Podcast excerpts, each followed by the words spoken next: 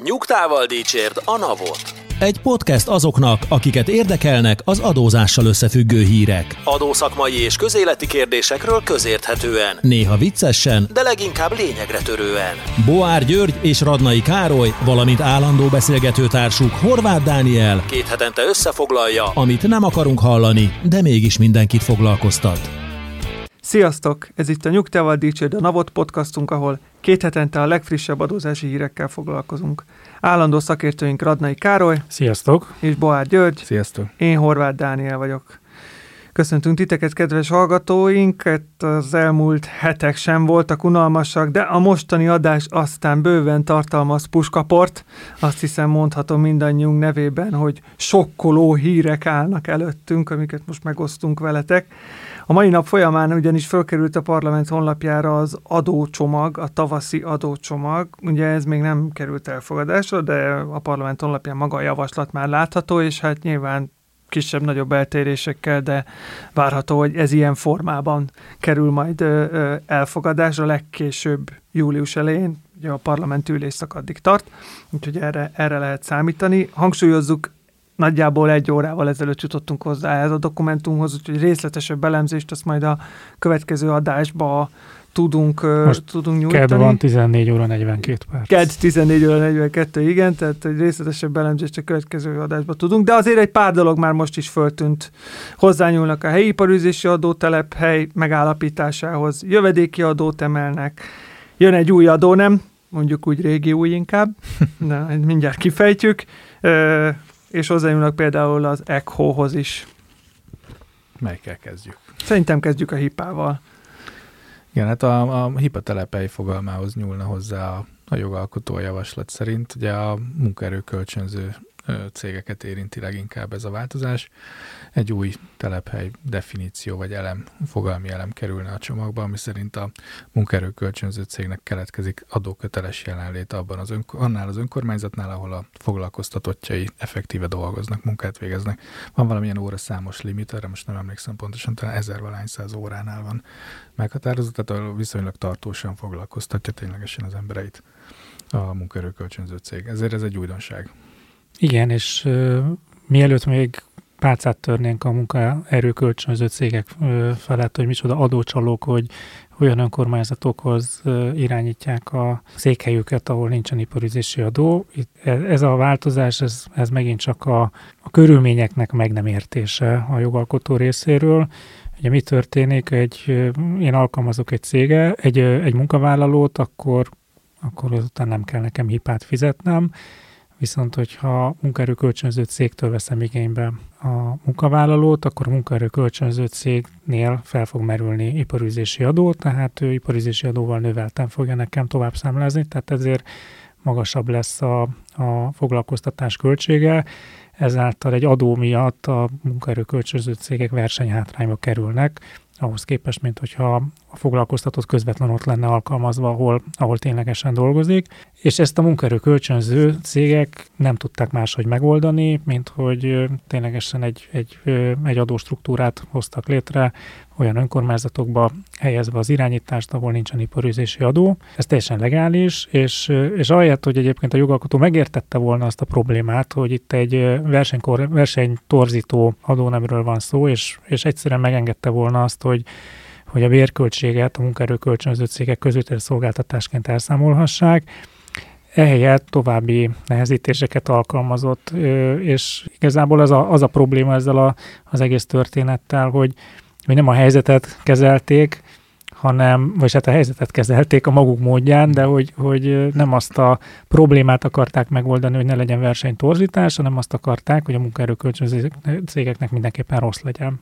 Igen, hát egyetértek azzal, hogy egyszerűen a magyar, magyar tipikus adójogalkotásnak egy újabb példája, hogy, hogy rácsapunk egyet a kalapáccsal a problémára, hát ha hogy majd megszűnik, vagy kisívul, vagy, vagy valami lesz vele. Hát ez egy újabb elem. Oké, ez még csak tervezett, szóval hogy nem tudjuk, hogy benne is marad-e a végső csomagban, de nagyon úgy tűnik, hogy a, a, a szakmai stáb az ebbe az irányba indulna a PM-ből. Ez körülbelül egyébként olyan, mint hogyha azt mondanánk, hogy a munkaerő kölcsönző cégeknél a szó 15 százalék, és nem 13.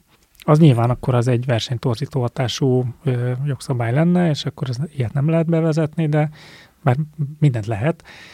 De csak hogy így konkrétan ezt okozza az iparüzési adó. Igen. Én nekem a második gondolatom ezzel a, a HIPA telephely módosítással kapcsolatban az volt, hogy a HIPA gyakorlatilag egy ilyen, már a helyi adóról szóló törvénynek a helyi pörűzési adót ö, szabályozó rész egy ilyen, ilyen toldozott, fordozott valami, ami most már minden koncepciót nélkülöz, főleg, hogyha a telephely definíciót megnézzük, szerintem a háponnál tartunk, vagy valahol valami ilyesminél.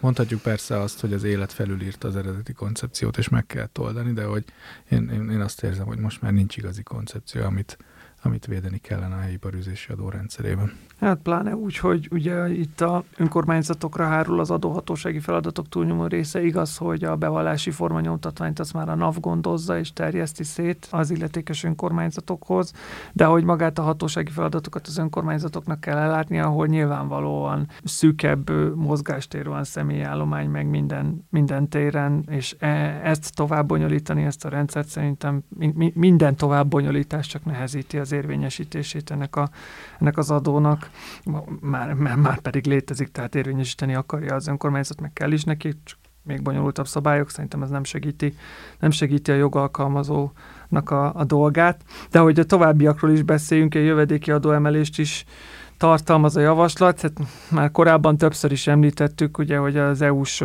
minimum szintek alatt van nálunk a benzingázolaj jövedéki adóját, úgy néz ki, hogy most ez megváltozik. Én erről is beszéltünk, hogy hogy mivel euróban vannak a rendeletekben a minimum szintek meghatározva, hát sajnos a forint gyengülés az euróhoz képest az azt okozta, hogy hogy a, az üzemanyagárakon beestünk a minimum szintre, ezt már egyébként régóta vártuk, hogy ez előbb-utóbb eljön. Most valószínűleg a kormány azt mérlegelte, hogy mi a költségvetés igénye, mi az inflációs hatása, illetve hogy egyébként hol van az üzemanyag ár, mert most egy viszonylag alacsony összegen van. Mondjuk hát két évvel ezelőtt azt mondjuk, hogy az 580 forint alacsony.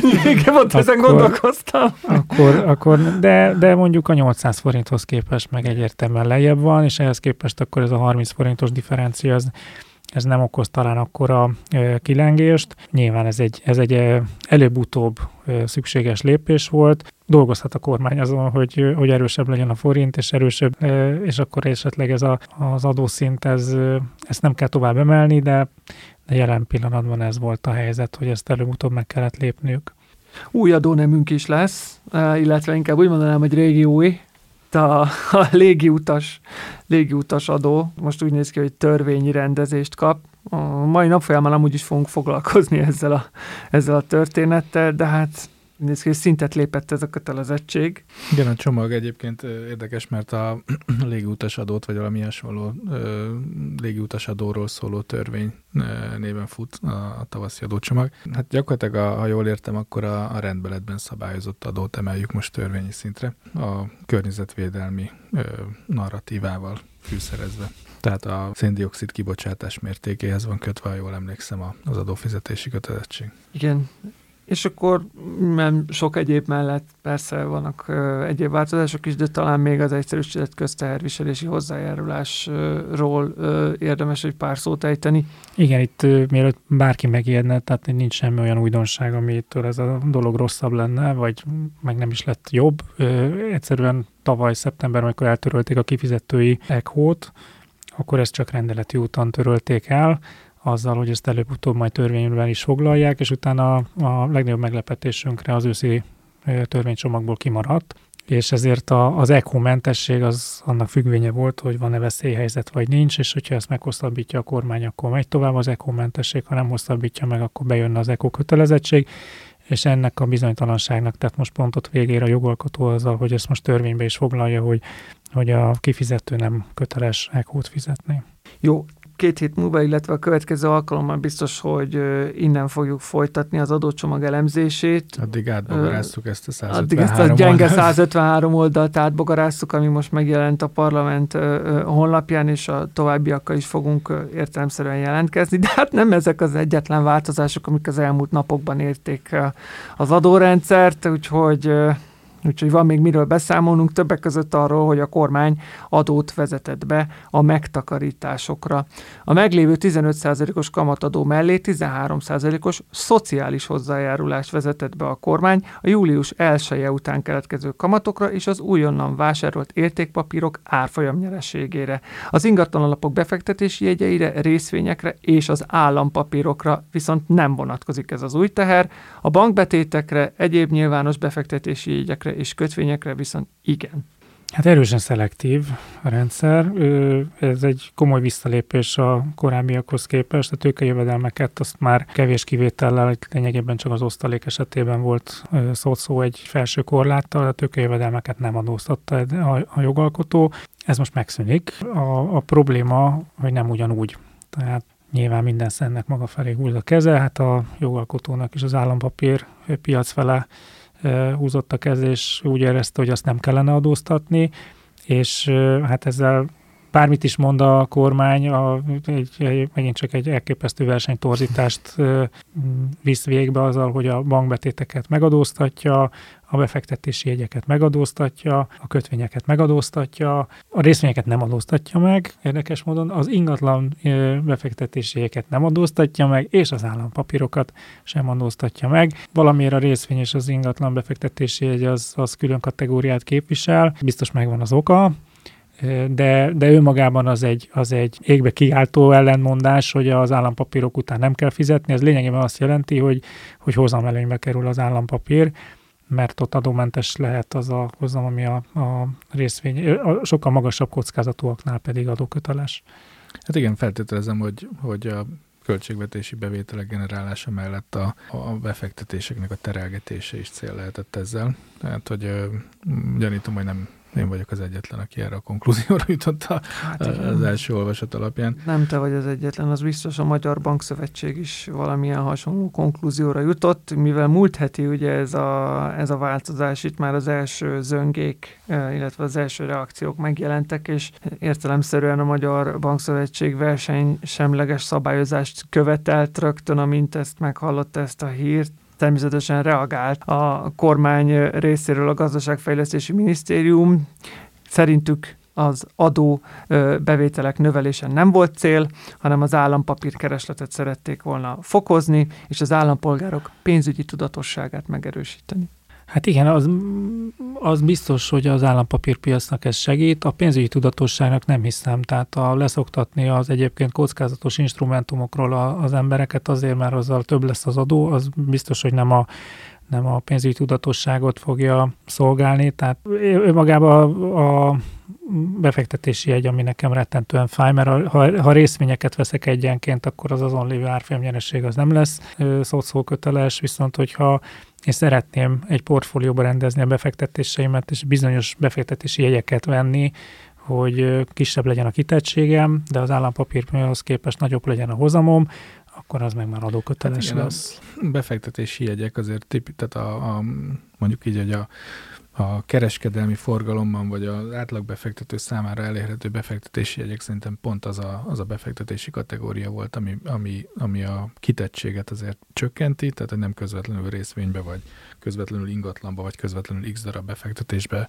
teszem a pénzem, hanem, hanem összecsomagoljuk együtt a pénzünket, tehát ez a kollektív befektetési formáknak egy kiváló eszköze volt, vagy eszköze még most is, a, ahol, ahol a kis befektető, meg a kevésbé pénzügyekben kevésbé járatos, vagy a, vagy a, a kockázatot kerülő ember is tud befektetéseket tenni. Hát most szerintem innen tényleg elterelik a, a befektetőket más irányba. Elég sajnálatosnak tartom. Hát Kétségtelen. Igen, is ugye az, tehát bár a jogszabályok, hogyha én most külföldön fektettek be, akkor is vonatkoznak rám, mármint a magyar adó jogszabályok, de egészen biztos, hogy, hogy ennek nagyon káros következményei lesznek, és pénzkiáramlás fog történni, tehát nagyon sokan a befektetésüket a magyar befektetési szolgáltatóktól elviszik külföldre, mert hát EU-n belül oda visszük, ahova akarjuk. Nyilván a, ugyanúgy a magyar árfolyamnyereség meg az szó kötelezettség az vonatkozni fog rá, viszont szürkül az egész történet, mert hogy innentől kezdve az állampolgárnak a belátására lesz bízva, hogy bevallják és befizetik el. Hát én fűszerezném azzal a dolgot, vagy hát pontosabban nem én fűszereztem, hanem a kormány, hogy ugye abba is belenyúl a, a, a kormány rendeletével, hogy egyes befektetési alapoknak milyen, milyen mértékben kell állampapírt tartaniuk a portfóliójukban. Nyilván ez pozitív irányba már hogy növelte ezt, a, ezt az értéket, vagy ezt az előírást. Magyarul nem csak, hogy a, a befektetőket, magánszemélyeket mondjuk tereli a, az állampapírok felé, hanem a, a professzionális befektetés, tehát a, a befektetési alapokat is az állampapírok felé tereli. Na és szerintem ez a kettő együtt, tehát az emelt adó és a terelés a, a, az instrumentumokon keresztül az, az egy elég rossz üzenet. Tehát, hogy én, én ebből a kettőből olvasom azt, hogy, hogy akkor inkább elkezdenek majd, majd külföldre kacsingatni azok, akiknek van megtakarítása.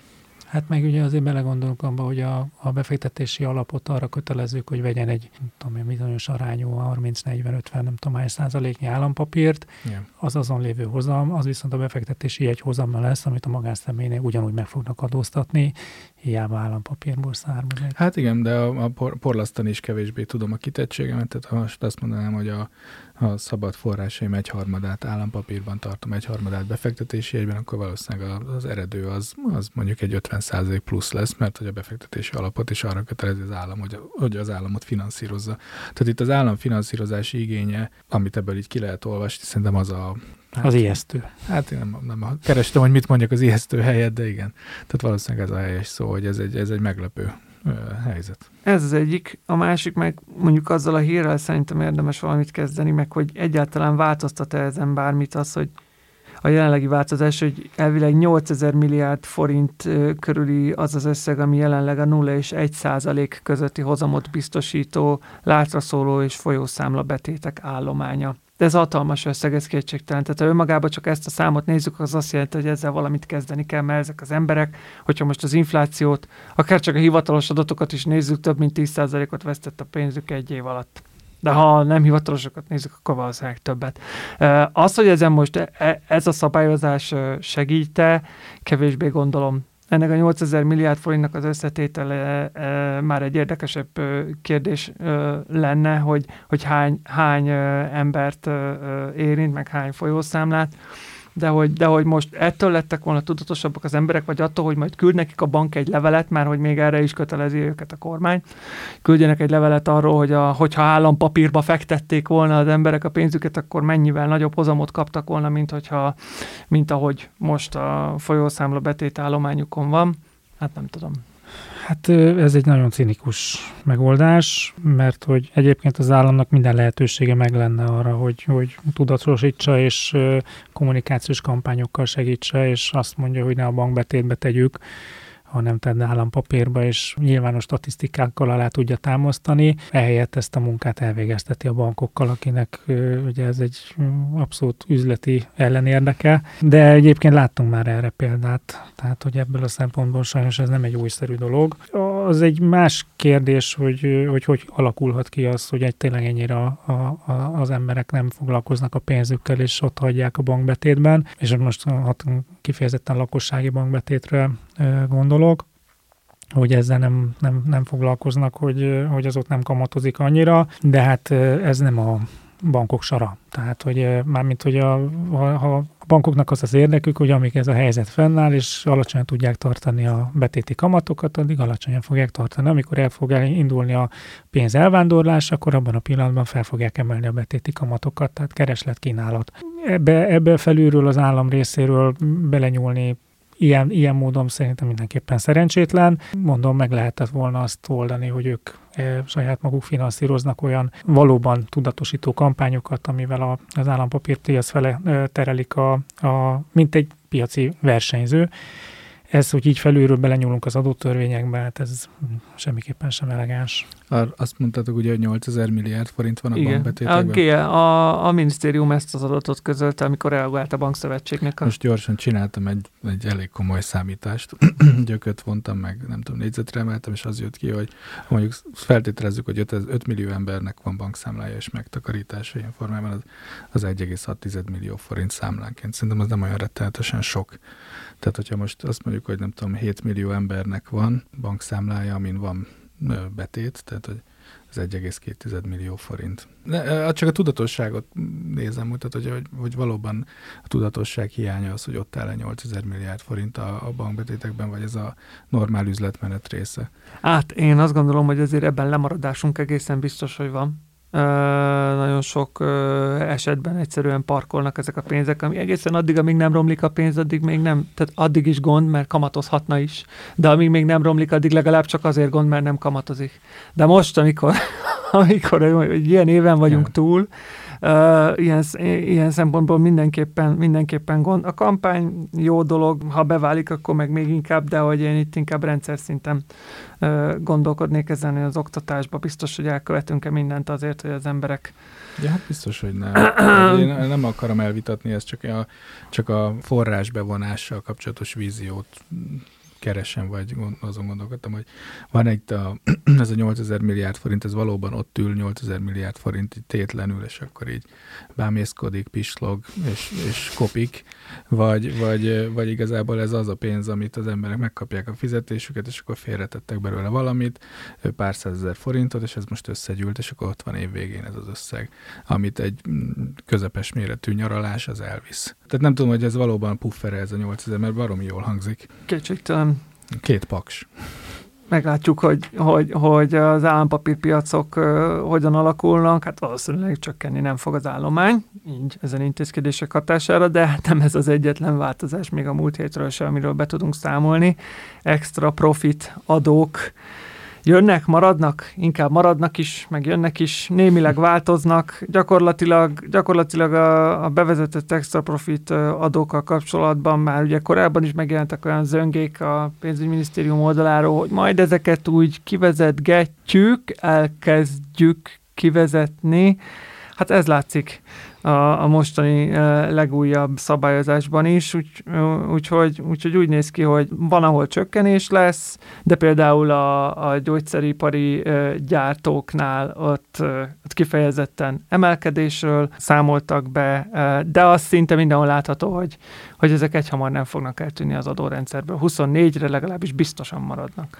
Szerintem egy nagyon érdekes tehát érdekes ez, hogy itt maradnak, meg az is érdekes, hogy kit hogyan sújt, szerintem majd beszéljünk erről is, de na szóval amiről én szerintem érdemes lenne beszélgetni, vagy úgy, úgy elgondolkodni rajta, az a kommunikációja ennek az egésznek. Pár hónapja azt mondtuk, hogy kivezetjük, mert megígértük az EU-nak. Pár héttel ezelőtt még az az, hogy az volt, hogy nem mindent vezetünk ide, alapvetően kivezetjük, hiszen megígértük az EU-nak, aztán a költségvetés benyújtása előtti nap a miniszter úr közölte, hogy valószínűleg nem vezetjük ki, és aztán meg, aztán meg megjelent a rendelet, amivel nem csak, hogy nem vezettük ki, hanem még valakivel jó bele is rúgtunk. Hát igen, kiskereskedelmi adó, vagy gyógyszeripari gyártók tehát, ez, adója. Igen, tehát hogy igazából ebben, ebben most mi a...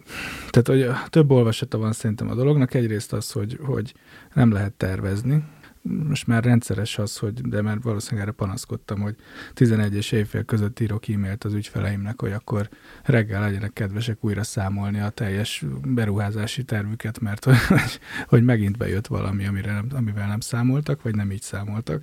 Tehát, hogy hogy lehet így tervezni egyrészt, másrészt meg, hogy a másik része a dolognak, hogy, hogy akkor mi van az EU-val tehát, hogy, hogy akkor most megígértük az EU-nak, vagy nem ígértük meg, vagy mit ért ez az ígéret? Hát, hogy akarjuk mi még azt teljesíteni? Nekem abban, tehát abszolút egyetértek, Gyuri, amit mondasz, hogy a kommunikáció az nagyon furcsa volt. Régen is azért jellemző volt erre a kormányra, hogy, hogy bejelentés nélkül elég durva intézkedéseket hozott, de az esetek túlnyomó többségében nem ígérgetett előtte. Tehát a választásokon sem voltak sem különösebb ígéretek. Hm. Megjegyezték, hogy, hogy folytatjuk, igen. Volt, meg, megjegyezték, hogy, hogy lehet, hogy ezen változtatni kell, de olyat nem ígértek meg, hogy valami lesz, és aztán nem az lett. És én, én ebben láttam itt a, itt a nagyon komoly különbséget, hogy nagyon fogadkoztak, hogy ez bizony most csak két évig tart, és most ez most válság, és ki kell bírni, és hogy az utolsó pillanatban is még nem mondtak igazat, amikor már nyilvánvalóan tudták, hogy hogy mi az igazság, hogy, mert hogy én azt elfogadom, hogy márciusban máshogy ítélték meg a költségvetés helyzetét, mint májusban, de hogy megint csak azt a cinikus szót tudom mondani, hogy hogy így nagyon leegyszerűsítik a, a dolgokat, és nem nagyon fog örülni senki ennek a hasonlatnak, de hogy tényleg a Gyurcsány kormánynak a szintjén vagyunk, tehát hogy ott voltak ezek a, ez csak egy szúnyogcsípés, ettől nem kell megijedni, és aztán utána pedig nem győzött mindenki pislogni. Én, én ebben látom most ezt a nagyon szomorú fordulatot, hogy hogy a saját ígéreteiket sem tudják most már betartani. Nyilvánvalóan egy, egy sodródásban vagyunk, tehát ahogy az állampapírpiac fele is terelnek mindenkit, mert hogy elképesztő likviditás hiány van a költségvetésben, az adóbevételek soron is hiába emelkednek az adóbevételek, a kiadási oldala sokkal jobban elszállt, egy sodródásban van, viszont nincsen őszinte kommunikáció erről a dologról, és, és azt hiszem, hogy ha volt is valami szavahihetősége itt a kormánynak eddig, akkor ez most veszett el, mert hogy nem hiszem, hogy van olyan befektető, aki most komolyan veszi azt, hogy 2024 lesz az utolsó éve a különadóknak reménykedik benne, de hogy már nem azzal fog számolni, hogy ezt ki fogják vezetni 2024-ben, én sem ezt tenném, és simán lehet, hogy, hogy velünk fog maradni. Az a probléma egyébként, hogy én még nem is lettem mérges, amikor ez a dolog kiderült, mert hogy erre számítottunk. Beszélgettünk itt a podcastban is sajnos arról, Igen, hogy, hogy, hogy, Igen hogy sajnos ezeket az ideiglenesen bevezetett különadókat szeretik aztán megtartani. Azt gondolom, hogy nem is ezzel a várakozással volt a probléma, hanem azzal a kommunikációval, ami ezt megelőzte, hogy bizony ez nem így lesz. Igen, tehát azért az túlzás lenne mondani, hogy meglepődtünk. tehát az, szerintem sejtettük, hogy valami lesz, de hogy szerintem rettenetesen rossz üzenete van ennek is. És, és akkor áttérhetünk esetleg abba, arra, hogy kit hogyan érint ez a dolog. Tehát, hogy a, a szokásos ötös vagy hatos fogat van a pénzügyi szektor, energiaszektor, gyógyszergyártók, gyógyszerforgalmazók, kiskereskedelem. Azért kaptak könnyítést is, meg azért rúgdosást is. Hát igen, a, a pénzügyi szektorban ugye ezt a különadót, hát a biztosítási pótadó az marad, az 24-ben is egyező adókulcsokkal, 23 évével egyezővel, de további egy évvel. A bankoknál ugye már korábban átalakították az adóalap meghatározását a nettó árbevételről a korrigált adózási ö, ö, eredményre, és itt azért megint felhívnám a figyelmet arra, hogy nem vagyok biztos abban, hogy magam részéről, hogy, hogy ez nem egy glob kompatibilis, vagy globális minimumadó kompatibilis adóalap meghatározás, és akkor az már egy elég hosszú távú üzenet. Ezt csak így zárójelbe mondom. Az energiaszektorban a MOL 9 95%-os extra profit adója marad 24-ben is, amennyiben ugye lesz uh, Ural Brent spread, akkor értelemszerűen ez akkor, ez akkor játszik, ez nyilván a jövő zenéje. Gyógyszergyártók, gyógyszerforgalmazók egyébként azért ez a két szerep elég nagy átfedésben van, szóval hogyha mondjuk a gyógyszerforgalmazói, vagy, vagy az egyik oldalon csökkentenek, a másik oldalon meg, meg növelnek az összességében véve magát a, a szereplőt, azt nem biztos, hogy nem biztos, hogy már nyugtatja, mert például a gyógyszerforgalmazóknál a különadó mértéke a 10 ezer forintot meghaladó termelői ára gyógyszerek esetében a már megemelt 28%-ról további emeléssel 40%-ra ö, ö, emelkedik, és ezt már a 2023. július 20-i esedékességű befizetési kötelezettségekre is alkalmazni kell. Tehát, hogy, hogy ehhez képest az, hogy felére csökkent a gyógyszergyártói különadó, persze fontos, de hogy összességében az egyik kezemmel elvettem, a másik alattam. Kiskeres... Hát ez a klasszikus, ez a mennyire értékeljük le a paradicsomot hm. felére, és akkor fölírjuk a dupla árat, áthúzzuk. Igen, igen, szóval, hogy, szóval itt, ez, ez, itt azért igen, jó hangzik, hogy csökkentettek, de a másik oldalon meg na.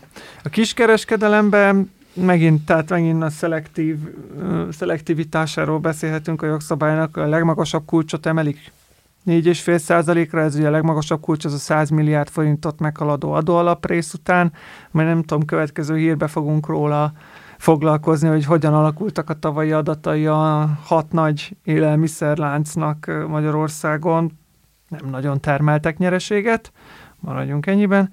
És záró gondolatként távközlési szektornál ott marad, minden a régiben annyival, hogy egy évvel kitolódik, és a légitársaságok adójáról meg már beszéltünk, hogy törvényi rendezést kap. Igen. szóval... volt. Igen, a, a, szerintem a kiskereskedelmi láncoknak az adatai már, már, már önmagában érdekesek, de szerintem a, a, a, a gyógyszerforgalmazóknak a, a, a panaszai is érdekesek, hogy, hogy ez, ez most már mínuszba fordíthatja az operációt állítólag, tehát hogy ez most már, most már olyan értelemben is a bőrünkön fogjuk ezt esetleg érezni, hogy, hogy nem lesznek elérhetők termékek esetleg, vagy nem érdemes bizonyos szolgáltatásokat behozni Magyarországra, vagy termékeket behozni Magyarországra, mert nem lehet esetleg ilyen adóterhek mellett nyereségesen üzemeltetni azt. Szerintem... De ezt egyébként azok a hallgatók, akiknek van gyerekük, mert nekem van három, és sajnos rendszeresen kell menni ilyen olyanokon mm. a, a gyógyszertárba, rendszeresen tapasztalom, hogy bizonyos termékek egyszerűen hiányzik hát, hónapok óta. Aki, aki szed bizonyos típusú gyógyszereket, mint például én, az is tudja tapasztalni, hogy tök alap dolgok hiányoznak, mármint, hogy fontos és alap dolgok hiányoznak. Most a, a, nyilván az első, első hírekben már ilyenek is szerepeltek, hogy akár a, akár a nem tudom, cukorbetegeknek elérhető gyógyszerek, vagy szükséges gyógyszerekből is hiány alakulhat, na, az már drámai. Tehát, hogy most a, nem tudom, nincsen, nincsen most nem akarok gyógyszernevet, torokfertőtlenítő. Ötféle fájdalomcsillapítóból az egyik nem lesz. Az, az oké, okay, helyettesíthető, de ha valami, valami spéci dolog hiányzik, na az már egy fájdalmasabb történet. Hát igen, de mondjuk antibiotikumból is van olyan, akinek a szervezet egyszerűen rosszul reagál bizonyos antibiotikumra, és ő egyszerűen nem szeretheti azt, és ezek nem helyettesítő termékek. Igen. Tehát azon kívül, hogy minden drágább lesz ezektől, vagy nagyon sok minden drágább lesz, mert nyilván a vényköteles gyógyszer nem lesz drágább, mert hogy ott hatósági áras a történet. Csak nem lesz. Csak nem, csak lesz. nem lesz. Olcsó tej, csak nincs. Tehát, hogy azon kívül, hogy valami drágább lesz, azon kívül itt, itt kényelmi és jövőben mutató dolgok fognak hiányozni, illetve hát a, a, a létfenntartáshoz szükséges. Nagyon drámain hangzik, de hogy kezdem azt érezni, hogy át kellene váltanunk valami kertészeti hírekre, vagy nem tudom, hogy ilyen kisállatsimogató 10 perce, vagy mit tudom én, hogy ne legyünk depresszívek a végére. Hát ő, most ilyenek ezek a hírek, de hát majd foglalkozunk az online számlával is, meg a magyar áfaréssel, és akkor majd ott el, hát, el, majd, azzal, majd, azzal, majd azzal elbüszkélkedünk. Vegyél be egy áfarést. majd, azzal, majd azzal elbüszkélkedünk ott azon, a, ott azon a ponton, de hogy a kontextust megőrizzük, még itt maradjunk tényleg a kiskereskedelmi adó kapcsán a tavalyi eredményekre, ugye kijöttek a beszámolók, hát akinek nem eltérő üzleti éve van értelemszerűen, és hát elég durva adatok. A hat legnagyobb szereplőből négyre látunk rá, és hát egyet kivéve mindenki veszteséges. Ilyen a világ történelemben nem volt, vagy legalábbis a magyar, magyar történelemben, amióta ezt vissza lehet vezetni. Az extra profitadó, ez extra veszteségadóvá vált. Igen. Igen, nyilván nem annyira jó üzenet, de hogy látni, hogy, hogy például most név nélkül az egyik szereplőnél 15%-os árbevétel növekedés volt a tavalyi évben, és ehhez képest is veszteségre futott, mínuszba csúszott 13,1 milliárd forinttal. Ebből valaki nem tudja azonosítani, az vesse magára. Igen, igen. Négy betűs. Igen, igen, igen, igen, igen, igen. De hát a többiek és nem az Aldi. A többiek se jártak sokkal jobban, és én nem tudom, nem tudom, hogy mi a terv, mert itt azért országos bolthálózattal rendelkező szereplőkről van szó, és tényleg ezt a bevételi értékhatárt, ami fölött a megemelt kiskereskedelmi adó van, ezt ők érik el. Nyilván most csak, hogy árnyaljam itt a képet, nyilván az, hogy milyen, milyen árazással dolgoznak egyébként, tehát hogy, hogy a, miért így alakul a költségszerkezete a cégeknek, arra nincsen rálátásunk, tehát nem tudjuk, hogy mennyivel nőtt mondjuk a beszerzési ára bizonyos termékeknek, tehát hogy hogyan alakul ez valójában, de az indikáció és az iparági szintű pozíció az elég jól látszik. Tehát, hogy az viszont nem egy egyedi tervezésnek az eredményének tűnik. Hát ez egy olyan szektor, ahol egy elképesztő kompetitív szektor, sok hatékony, hatékonyan működő szereplő van, nagyon kicsik a marzsok, és ebbe aztán a, a hektikus jogszabályalkotás nem nagyon fér bele. Tehát ezek az extra adók, illetve hát a megnövekvő energiaárak, ezek együtt olyan harapófogóba szorították ezeket a cégeket, amitől elment a, a nyerességességük. Hát itt az a kérdés, hogy mondjuk 2023-ra milyen évük lesz, mert hogyha ez rendszerűen fennmarad ez a plusz nullás, kicsit nyerességes, inkább vesztességes működés, az az hosszú távon a kivonulásokhoz fog vezetni, ami meg tudjuk, hogy a kormánynak a leg, leg, egyik legfontosabb szándék, hogy bizonyos szereplőket kiszorítson a magyar piacról. Az sajnos viszont meg azt a sokak által nem kedvelt vagy nem várt következményt fogja magával hozni, hogy megemelkednek az árak, mert kevesebb szereplő, azok magasabb árakat fognak alkalmazni. Meg hiánycikkek fognak megjelenni, meg ugye a szállítási láncokba, akik itt maradnak szereplők, azok nem globális szintű ö, szereplők lesznek, és sokkal nehezebben fognak tudni bizonyos árucikkeket beszerezni, vagy hiány lesz, vagy sokkal drágább lesz. Szóval ö, nem tudom, minden esetre, minden esetre ezek az adatok elég aggasztóak így, így a 2022-es évre tekintve, és akkor még mindig nincs vége a változásoknak, úgy tűnik ez a nap ez, ez ilyen, ugyanis ugye kiterjesztett gyártói fel felelősségi rendszer, amivel kapcsolatban tényleg most már nagyon közel van a külön adásunknak a, a, a leszervezés, nagyon kevés türelmeteket kérjük már, kedves hallgatók, itt a következő reméljük felvétel már ezzel kapcsolatban fog megjelenni. Viszont a díjrendelet az időközben kijött, ugye erre vártunk, mert egész eddig csak azt lehetett tudni, hogy hogy fog kinézni ez az egész rendszer, de azt nem, hogy mibe fog kerülni, hát sokba, sokszorosába a termékdíjhoz képest, hogy miért a termékdíjhoz képest, az annak az a magyarázata, hogy ez a kettő kötelezettség összefut, még akkor is, hogyha az egyik az adóhatóság, állami adóhatóságnál kerül a befizetésre, a másik meg a koncesziós társaságnál, a Mohunál. De hát úgy néz ki, hogy ez a, ez a kiterjesztett gyártói felelősségi díj, vagy EPR díj, ez lényegesen magasabb azokon a helyeken, ahol a termékdíjjal összehasonlítható. Ugye nem teljes az egyezőség a, a, a kötelezett termékek esetében, de, de ahol, ahol egyezőség van, hát ott sokkal magasabb. Mi lehet ennek az oka? Én, hogy mondjam, tabudöntögető véleményt fogok megfogalmazni. Én szerintem egyáltalán nem baj, hogy milyen magasak lettek ezek a, a díjak a környezetvédelmi termékdíja szerintem az egyik legkomolyabb probléma, a sok problémája közül az, hogy nem volt kapcsolat az adófizetés és a környezetvédelem között. És én most itt azt részben megvalósulni látom, hogy, hogy bizony a, a molnak kiszerveztük a hulladékgazdálkodás, és a molnak ezt valamiből fenn kell tartania, és miből másból tartaná fel, mint hogy ezekből a díjakból fogja fedezni a költségeit.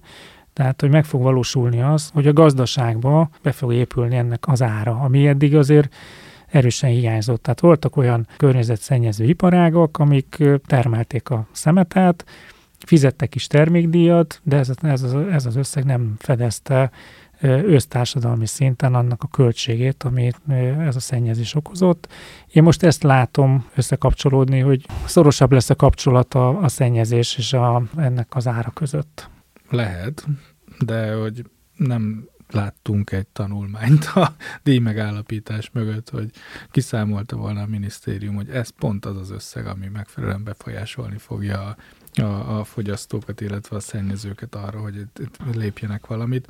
Tök jó lett volna mondjuk nem a bevezetés előtt 30 nappal látni hát ezt a ebben, ebben teljesen meg, igazad van. Én egyébként azt gondolom, hogy van egy ilyen tanulmány, csak ezt a MOL készítette, és nem biztos, hogy feltétlenül objektív de ugye a, hatóság, aki, a, a, aki megállapítja, vagy a minisztérium, aki megállapította ezt a, az összeget, igazán az köthette volna, hogy milyen logika alapján tette meg. Lehet, hogy az indokolásban ott van, megmondom őszintén, nem olvastam az indokolást. Van, van egyáltalán indokolás? Rendelet nincs, ugye? Hát akkor akkor le ezt a, ezt a témát, de hogy szóval tök jó lenne látni, hogy hogy jött ki ez a matek. Hát igen, csak egy pár példa.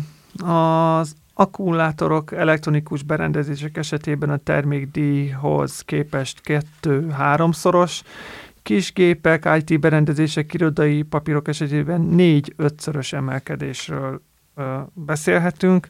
Egyedül talán a fa csomagolószerek azok leánykori nevén raklap, vagy doboz, ahol az EPRD ugyanolyan mértékű, mint a termékdíj nagysága.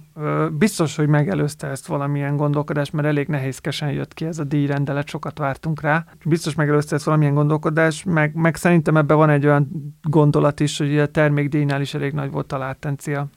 Tehát, hogy értem ez alatt, hogy a szereplőknek egy nagy része nem fizetett termékdíjat, és akik fizettek, azok is valóban nem túl sokat, tehát ez egy mm, nem biztos. Hát ez a látencia szerintem itt csak fokozódni fog, mert hát hogy igen, a... az viszont indokolja Na, na az és ez indokolja a magas díjat, így van. Tehát, ez hogy... olyan, mint hogy mint a Szent István korában miért vágták le a bűnöző, vagy a, lop, a tolvaj kezét, tehát azért mert ezerből egyet kaptak el, és igen, meg jól levágták igen, igen, igen, igen, tehát erre az összefüggésre kíséreltem felhívni a figyelmet, hogy ha már most azzal számol a jogalkotó, hogy ezt kevesen fogják megfizetni, ami egyébként nem alaptalan, mert elég bonyolult rendszer, és, és nem könnyű rá ráállni már a nyilvántartás vezetési feladatok teljesítésére sem. Erről nyilván a külön kiadásban sokat fogunk beszélni, meg reméljük. Hát csak, hogy már egy cég eljut oda, hogy akkor nyilvántartást vezet, akkor már nyilván be fogja vallani, akkor. és meg fogja fizetni a MOL felé ezt az összeget. A kérdés az az, hogy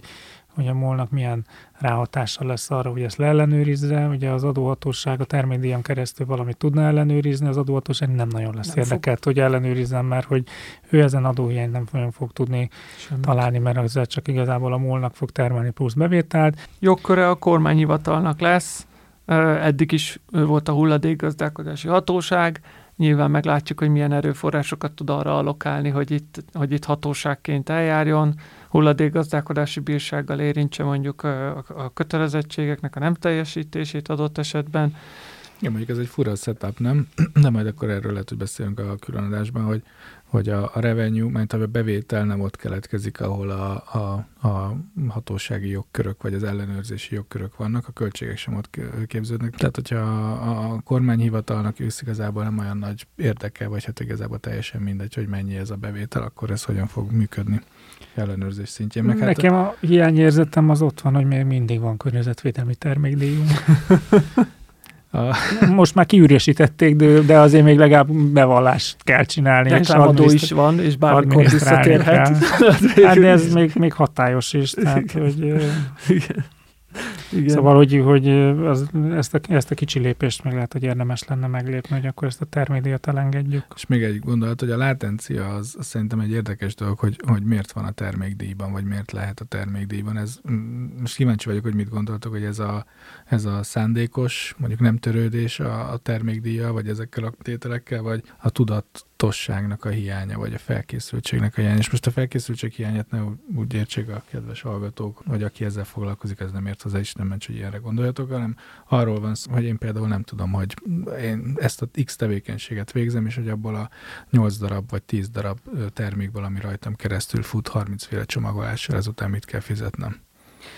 Tehát, ja, nem túl komplex ez ahhoz, hogy ezt hát, tud követni. Ezt akartam mondani, hogy a termékdíjszabályozás kismiska, a, és az elmúlt évtizedben sokat is ö, ö, alakult, és ott is KT meg CK kódok alapján kell tudni, ö, csomagoláskódok meg környezetvédelmi termékdíj kódok alapján kell tudni ö, riportálni, meg a bevallási kötelezettséget teljesíteni, és akkor ezt most megfejelték, mert ez most már egy hármas kódrendszer ö, ö, lesz, és akkor a hakkódokról még nem is beszélünk, ami a hulladéktermeléshez ez, kapcsolódik. Ez a kódolás, már bocsánat, mert hogy, hogy oké, de mi a túrót sorolok a kód alá, meg honnan tudom, hogy hány gram az a nyomorult zacskó.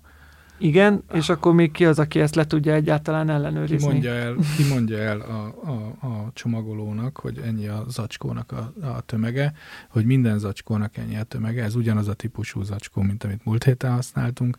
Hát, hát meg mindig visszajutunk oda, hogyha a külföldről rendelünk valamit, és aznak a csomagolását lebontjuk, akkor termékdíj, és hát EPR kötelezettékké válunk. Na hát ez, egy, na ez lesz az a látencia, ami, amit szerintem senki nem fog bevallani. Ja.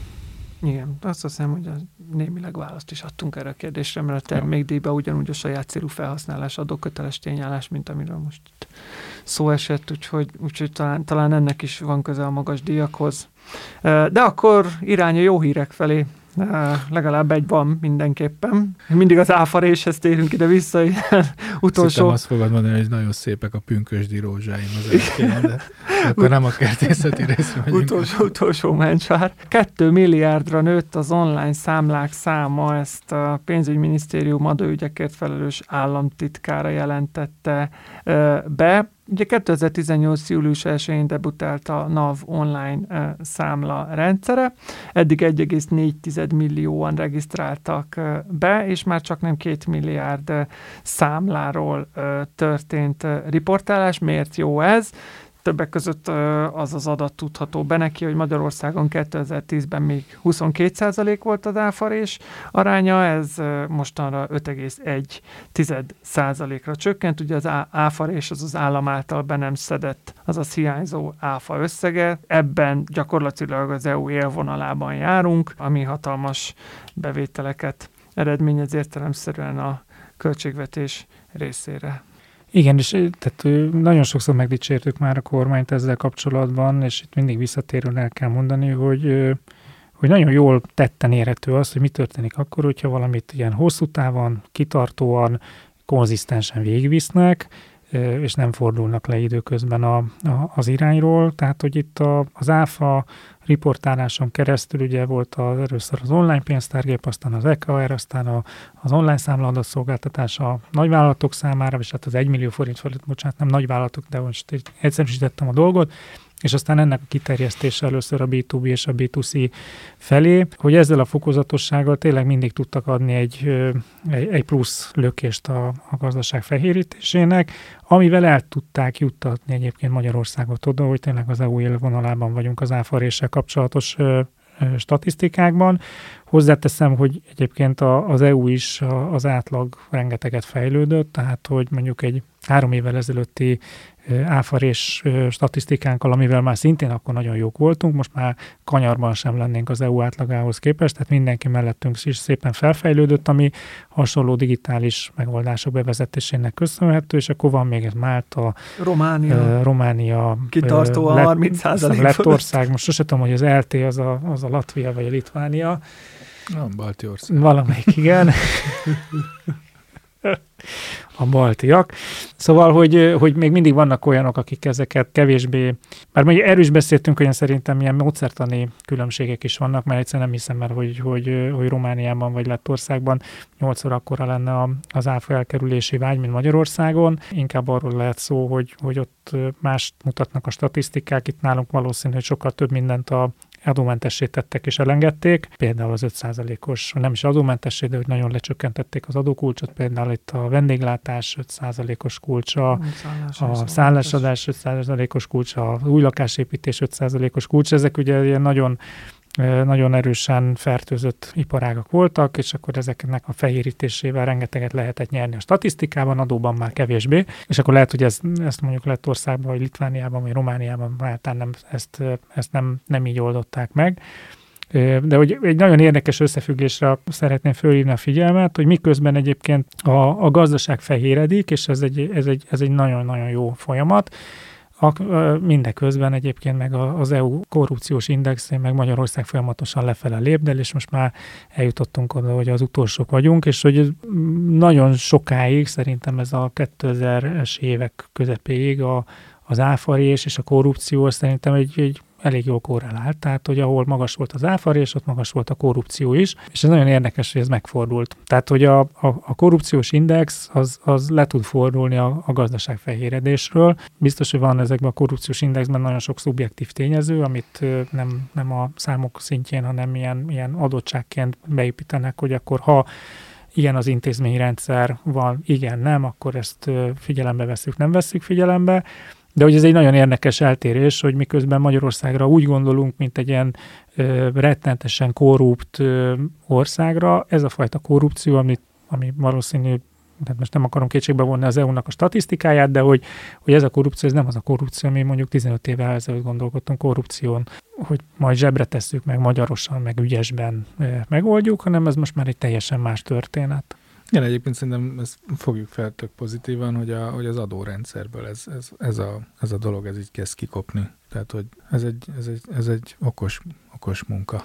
Tehát, hogy ment, hogy a, a rendszer felépítése is, meg, a, meg az adótervezés is egy okos munka. Hát az ÁFA egy jó prosperáló adó nem Magyarországon, ami azért mindenképpen jó hír, mert a legfontosabb adó nem Magyarországon. Most nem a, a ha, csak a, ha csak pénzügyi vonalon nézzük. Tehát, hogy abszolút erre épül a mi adórendszerünk, abszolút az ebből fakadó bevételre alapozunk ö, ö, tételként a költségvetésbe, hogyha ezt jól karban tudjuk tartani, akkor az elemi, elemi érdekünk, és ezek a fejlesztések ezt abszolút, abszolút visszaigazolják. Még, még annyit tennék hozzá, hogy ez, ez ki kell emelni, hogy Magyarországon a legmagasabb az áfakulcs, tehát hogy a, a csalásra való felhívás az, az nálunk a, a legerősebb, ennek ellenére az egyik legalacsonyabb az áfarés, tehát hogy ez, ez mindenképpen egy bravúr.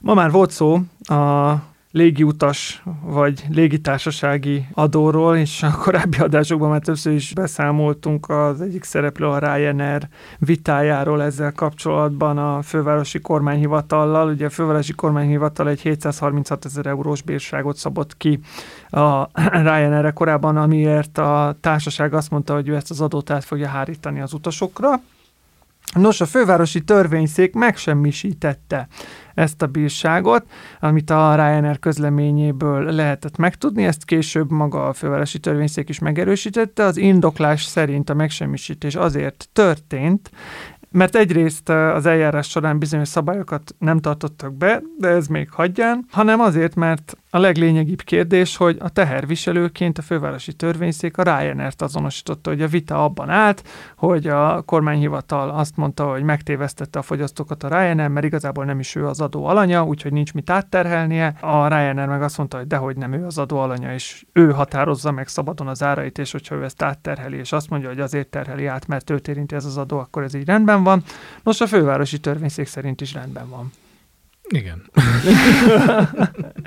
köszönjük, köszönjük a kommenteket, de ezzel további vita már viszont nem lesz szerintem, mert a törvény ez valószínűleg majd rendezni fogjuk ezt, rendezni fogja ezt a, ezt a kérdést. Szerintem, szerintem a törvény nem fogja rendezni ezt a kérdést, hanem igazából az van, hogy most a, a Ryanair megemelte az árait, és és ennyi. Tehát, hogy az lesz, amit lehetett szám, vagy amire lehetett számítani, hogyha adóztatjuk a, az utazást, akkor, a, akkor az meg fog jelenni a, a jegyeknek az árában, ez meg fog jelenni, és ezt igazából a, a GVH sem fogja tudni nagyon megváltoztatni. Azt egyébként magyarázzátok el nekem, hogy a 10.000 forintos különadó, ami egyébként esetekben csak 5, attól miért emelkedett meg 50-100-200 százalékkal a repülőjára, tehát hogy miért van az, hogyha vizerrel utazok, akkor már örülök, hogyha 100 ezer forint alatt van a, a repülőjegy ára. Ez biztos ennek megvan az oka, de hogy ezt mondjuk azért a kizárólag az adózásra nem tudom visszavezetni. Ja, szerintem, szerintem biztos, hogy nem az adónak van ehhez köze. Igazából nem tudom, minek lehet köze. Tehát a üzemanyagár, meg, meg, meg euró árfolyam, stb. De hogy most ez a légiutas adó, ez, vagy nem tudom milyen adó, ez biztos nem indokol ilyen áremelés. Csak mert ugye ez is egy elképesztően kompetitív piac, ahol bármilyen destinációban mész, akkor legalább két szolgáltató van, de, de mondjuk sok helyen öt, és ennek ellenére azt tapasztalom én magánszemélyként, amikor tervezem a nyári nyaralást, hogy köze nincsen az idei áraknak a tavalyihoz, vagy a tavalyi előttiekhez, hanem, hanem háromszor, négyszer annyiba kerülnek a repülőjegyárak. Tehát amikor még családilag el lehetett menni mondjuk két évvel ezelőtt 20-30 ezer forintért Párizsba, ezt, ezt most 150 ezer forint per repülőjegyért tudod megtenni. Úgyhogy ah. fél évvel előtte megvennéd a repülőjegyet. Már csak azért is gondolom, hogy nem, nem a légi utasadó az, ami, ami megdrágította a jegyárakat, mert nem kizárólag Magyarországról operáló légitársaságokról beszélünk, hát a Ryanair sem magyar, tehát itt, itt mélyebb összefüggések lehetnek itt a jegy, jegyár növekedésben. Hát csak ugye ez egy visszatérő komment a légitársaságok részéről, hogy, hogy ennek a, ez az oka a megemelkedett jegyáraknak. Hát szerintem, ha valamiről kellene velük beszélgetni, az pont ez a fajta kommunikáció. Tehát, hogy, hogy egy csomó minden adó alól mentesek. Most kaptak egy ilyen adót, persze nem örülök neki, hogy ettől drágább a repjegyem, de tehát ez nem indokolja, hogy kétszer annyiba vagy négyszer annyiba kerüljön a repjegy. Tehát most tök fölösleges arról beszélgetni, hogy mennyire meg vagyunk sarcolva 5000 forinttal, és közben meg 150 ezerért árulom a jegyet. Tehát, hogy szerintem inkább erről kellett volna velük beszélgetni, nem a, az átterhelésről. Hát igen, de arról meg ugye Magyarországon nem lehet beszélgetni, mert ugye ezek EU szabályok, tehát az, hogy nincs jövedéki adó a kerozinon, meg nincs áfa a repülőjegyen. Azt elfogadom, tehát... csak akkor mondják azt, hogy sokkal többen utaznak, mint három évvel ezelőtt, és nem vettünk gépet, mert be voltunk rezelve, mert nem tudtuk, hogy lesz elég utas, és most kapacitás hiányjal küzdünk. Vagy mert nem fizettünk eddig eleget a légutas kísérőknek, ezért nincs elég emberünk, és akkor most ez a helyzet. Tehát ezt is lehetne mondani, hogy hát srácok, ez van, aki utazni szeretne, annak megoldjuk a lehető legolcsóbban, de hogy ez, ez, a, ez a helyzet. Na mindegy, lehet, hogy naív ez az egész elképzelés, csak tök fölösleges. Szerintem az adókra kenni mindig mindent.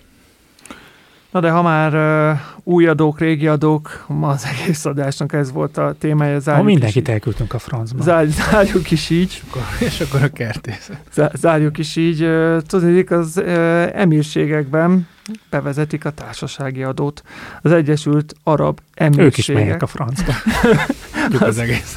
az Egyesült Arab Emírségek 9%-os társasági adó bevezetéséről döntött. A vállalatoknak ezt a 350 ezer dirham, ez nagyjából 100 ezer dollár, éves bevételük fölött kell fizetniük, ugyanakkor a szabadkereskedelmi zónákban működő vállalatok továbbra is mentesülnek a 9%-os TAO alól. Igen, erről már beszéltünk szerintem egy éve, vagy nem is tudom mikor, amit az Egyesült Arab Emirátusok elkezdte reklámozni azt, hogy, vagy emírségek, hogy, hogy ők be fogják vezetni. Akkor én belenéztem kicsit a szabályozásba, meg az ő tájékoztató anyagaikba. Kicsit az volt az érzésem, mint hogyha lefordították volna a magyar TAO törvényt. Tehát, hogy nagyon, nagyon hasonló sok mindenben. Most a legvégső verziót nem néztem meg, szóval lehet, hogy ez változott, de hogy, hogy Szerintem megvolt a, az európai minta, amit használtak a, a törvényeknek a kialakításához, vagy a TAO törvényeknek a kialakításához. Hát ne felejtsük el, hogy nem a társasági adó a nagy novum, hanem hogy az áfát is bevezették már pár évvel ezelőtt. Igen, most az évek között bevezették 5%-os általános forgalmi adót. SZIA az továbbra sincs az Egyesült Arab Emírségekbe, de igen, onnan kezdődött a történet, hogy addig, ameddig mondjuk 2018 előtt még adóhatóság se volt, az Egyesült Arab Emírségekben, most azért az utóbbi években kezd kiépülni az adórendszer. Itt azért valószínűleg a globális minimumadónak hatása van abban, hogy miért vezetik be. Tehát, hogy azok a nemzetközi cégcsoportok, akik most a, az, az Egyesült Arab Emirátusokban mm, rendelkeznek telephelyjel, azoknak otthon majd meg kell fizetni azt a különbözetet, amit a, az emirátusokban fizetett adó, és hogyha ez eddig nulla volt, akkor lényegében ezt a 15%-ot meg kéne fizetni. Persze ez nem igaz, mert Kínában még nem vezették be a globális minimumadót, tehát mondjuk egy kínai cégnek nem kellene megfizetni feltétlenül, de egy amerikainak, meg egy bármilyen európainak meg, meg igen, és hát még nekik sem, hanem várhatóan majd nekik meg kell fizetni, és, és ezért valószínűleg egy ilyen, ilyen félmegoldás lett, hogy akkor akkor bevezetünk egy 9%-ot, ami egy kicsit kevesebb, mint a globális minimumadó, egy kicsit több annál, mint amit mondjuk egy nem globális minimumadóval rendelkező országban kellene fizetni. Kíváncsi vagyok, hogy ezen még reszel nekem, mert szerintem fognak, mert mert én szerintem egy top-up taxet kellett volna bevezetniük, tehát hogy akkor, akkor, akkor szedik be az adót, hogyha ezt más adóhatóság beszedi, és egyébként meg nem. Hát szerintem ez szépen lépésekben meg lehet csinálni. Most bevezettük, most ebből befolyik egy kis pénz, aztán jövőre kicsit változtatunk rajta, aztán három év múlva meg már be lehet vezetni mindent. Hozzászoktunk. A regionális összevetésben még nem is magas, mert Szaúd-Arábiában 20%, Katarban 10, Kuwaitban 15 a társasági adó mértéke. Csak az Te már most már, tudjuk. Ugye, most már majdnem olyanok vagyunk, mint, mint az Egyesült Arab Emirátusok, most már csak olajat kéne találnunk. Van, csak nem annyi. Ja, igen. És akkor kinek kell már, akkor már nem kell a Brent Ural spreaddel foglalkozni. 95%-os extra profit adót terhelni rá. Jó, a mai napra ennyi hír jutott, kedves hallgatók. Reméljük, hogy élveztétek a, az adást. A következő alkalommal reméljük, hogy a külön kiadással fogunk érkezni, és akkor, ahogy említettük, két hét múlva pedig visszatérünk erre a ma megjelent tavaszi adócsomag javaslatra, és abból további részleteket is fogunk elemezni. Addig is vigyázzatok magatokra. Sziasztok! Sziasztok! Sziasztok! A Nyugtával Dícsért a Napot podcast adását hallottad. Az elhangzott kijelentések és vélemények a műsorvezetők és vendégeik magánvéleményét tükrözik. A műsornak nem célja az adótanácsadás, és nem is minősül annak.